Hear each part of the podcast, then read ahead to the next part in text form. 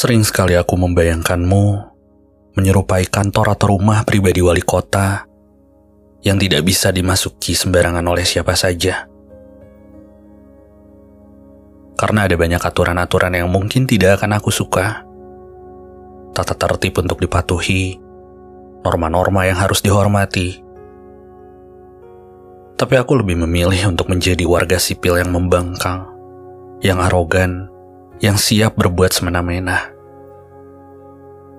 Aku sering merencanakan usaha penyusupan, merakit strategi untuk bisa menerobos memasukimu tapi ada bunyi alarm mamah papahmu di sana. Begitu pula saat aku terjebak dalam zona pusing. Aku juga pernah membayangkanmu menyerupai sepuntung ganja. Senyummu itu adalah bahagia yang dapat menerbangkanku, melayang-layang tak karuan, membuatku tinggi berkali-kali. Tanpamu, sepertinya aku kacau sekali. Aku juga ingin berkomunikasi denganmu dalam keadaan yang tenang-tenang saja. Dengan nada-nada rendah, dengan bahasa-bahasa yang lemah.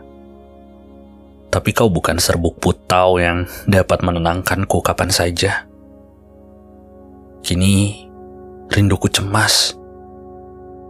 Menginginkanmu seperti pecandu buas yang haus akan obat-obatan terlarang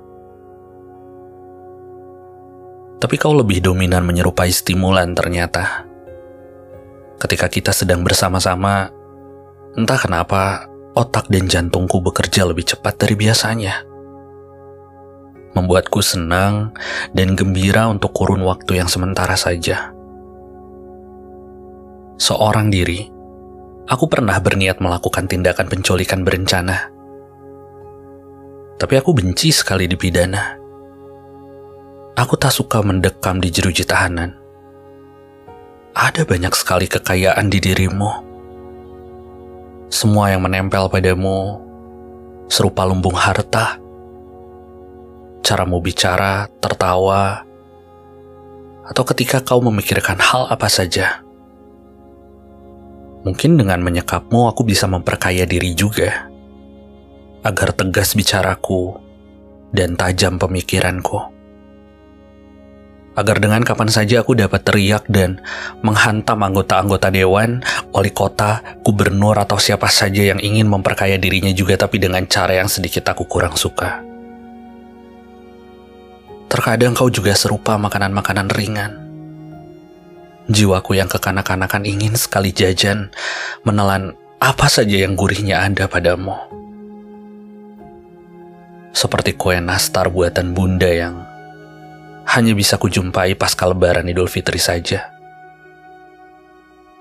Tapi setiap saat, aku selalu ingin menjumpaimu kapan saja tanpa kenal hari raya. Aku seorang mahasiswa tapi penat kepalaku. Di tengah-tengah kota yang berantakan ini, di antara perpustakaan, galeri seni, atau estetiknya sebuah kedai kopi, Mungkin hanya kamulah yang aku suka. Kau adalah tanggal merah dan waktu senggang yang ingin terus kusinggahi. Dan aku adalah seorang pria yang selalu membayangkanmu menjadi apa saja. Di saat dekat dan jauhmu.